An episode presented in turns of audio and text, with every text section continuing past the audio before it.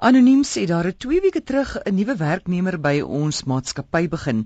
Die dame moet my werk nagaan voor dit na kliënte toe gaan en is die skakel tussen my en die kliënte. Sy's oulik, maar die stemtoon wat sy gebruik wanneer sy met my praat staan my nie aan nie. Sy laat my skoon soos 'n graad eentjie voel. Hoe gemaak om haar op 'n mooi manier daarvan te vertel. My baas is nie die soort mens met wie 'n mens die tipe goed kan bespreek nie. Die dame is van 'n ander kultuurgroep en ek wil nie aanstoot gee nie. Hoop julle kan my help. Ja, sy klink baie moedeloos.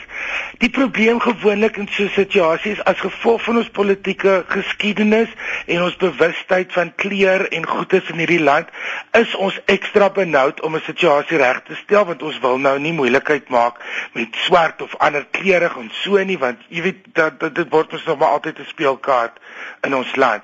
So ek dink dit is wat haar benoud maak as iemand met my praat of ek graad 1 is sit ek kom op sy plek vinnig doelgerig in 'n sagte toon. Um want jy kan nie so werk nie. Sy sê sy's oulik, dalk het sy in 'n vorige situasie met regte onnoosel mense gewerk en moes so praat. Dalk praat sy met haar man by die huis ook so. Sy mens kry maar sulke mense. Of dis is daai mense wat alles in 'n verklein woordjie ook sê. Jy wil hulle mos doodslaan met 'n pan daai ding. Dit is nie altyd doelbewus nie. Ek sal in so 'n geval vir haar 'n briefie skryf of 'n e-mail. Wat noem hulle dit 'n vonkpos? Ja. En sê ek voel insecure dit voel asof ek iets fout doen jou stemtoon laat my heeltemal gespanne voel speel speel die slagoffer as jy dit mooi wil hou of so of sê net kan jy met my praat as 'n volwassene ek is opgelei in my werk en so en ek en ek geniet dit om saam met jou te werk en ek wens vir ons albei net die beste toe. Maar jy moet dit aanspreek en so gou as moontlik want dit word 'n ding wat later wat hoe sê hulle die, die olifant in die vertrek word en dan kan jy niks meer daaraan doen nie. Snoer dit nou terwyl dit nog jonk is. So, ek sal regtig 'n e-pos daar skryf en as hy daarop verkeerd reageer, die situasie kan nie meer ongemaklik word nie. Jy wil al klaar weghardop, so doen iets daaraan. Mevrou van der Vyver van Stellenbosch wil weet, sy sê ek kom uit 'n geslag wat baie gesteld was daarop om 'n dankie sê brief te skryf. Of om dan net miskien die telefoon op te tel en dankie te sê vir 'n pakkie wat gearriveer het. Is dit nog nie gebruik of is dit verkeerd van my om dit te verwag? Dit is nie verkeerd om te verwag nie. 'n Dankie sê deesdae word dit maar meestal per telefoon gedoen of per rekenaar maar dit is is tog die gebruik. Jy sou tog vir iemand dankie gesê het as dit dit oorhandig word het mense is verskriklik besig ek self trap in daai gat. Ek vat baie keer 2 tot 3 weke voor ek by 'n ding uitkom want ek hardloop. Maar ek vergeet dit nie en ek sal dit doen. 'n briefie is nice.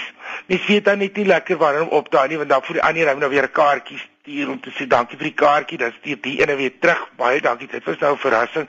3 jaar later korrespondeer jy nog steeds oor dieselfde pakkie.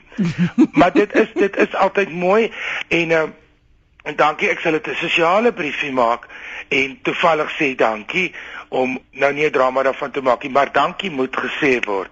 Al is dit nou net met 'n oproep of 'n SMS of iets. Deesdae is mense besig, maar sy's glad nie verkeerd om te verwag vir 'n dankie nie. Ek dink net dit word nie meer so onmiddellik gedoen nie en dit word nie meer met skrif gedoen in 'n koevertjie soos soos in die ou dae nie. Uh, Lorinda wil weet wat dink Nathaniel van tattoos? Tattoos Is dit nie 'n ding waar mense met doedelsakke en perde marseer nie? Daarvan hou ek baie.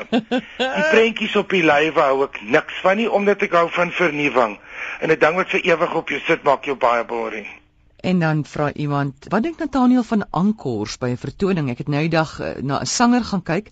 Die gehoor het hom 5 keer teruggeroep. Hy het al 5 keer teruggekom. Dit het my later so verveel. Ek is so sommer moeg vir die sanger. Ek voel toe heng ek het nou te veel van hom gehad. Ja, dit is die ding. Kyk, daar is in die klassieke wêreld in Europa Maria Callas het al 'n show gedoen van 'n uur lank en kry toe 2 ure lange staande ovasie. Daar was in die ou dae so iets en dit is beloon met 'n paar ankors, maar dit het 'n hele ander tradisie in die klassieke wêreld en jy weet by van die by die ankors gaan van baie van hulle hulle beste werk lewer. Dit word daarvan gehou. Hierso, ek neem aan dit is 'n popsanger se konsert of gewoonlik ek doen nie eers 'n ankor nie tensy hulle vir hulle jesgil, want dis is by 'n rolprent of 'n drama. As dit klaar is, is dit klaar. Jy klap vir hulle hande, jy gaan mos nou nie as jy baie maal was oor 'n toneelstuk so klap dat hulle nog 'n stukkie verder opvoer nie.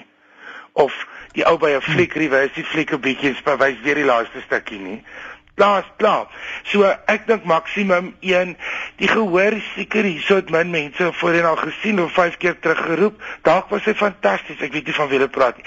Maar die etiket ter verlossing van hierdie persoon is tussen ankels is die ek, ek is die vertoning reeds verby. Wanneer jy moet gaan in Europa sal jy sien mense doen lang aankoers betyd openbare vervoer terug of by feeste by 'n hmm. kunsgeleentheid 'n ander afspraak en sal dan die saal begin verlaat. Dis heeltemal toelaatbaar. As 'n sanger te lank aankarring, gaan huis toe. Hy moet mos nou weer die vertoning is verby en jy ook nog die res van jou lewe aan. Dit is nie swak maniere om tussen aankoers die saal te verlaat nie. Dit is heeltemal toelaatbaar. Goed. En ek dink dit is swak van die sanger in die eerste plek wat 'n mens wil graag gehoor los sodat hulle nog van jou wil hê. Dat hulle weer wil hmm. terugkom. Dis die smaak van die mond wat jy jou gehoor mee wil luister stuur, nie dat hulle nou elke liedjie wat jy nog ooit gesing het ken nie.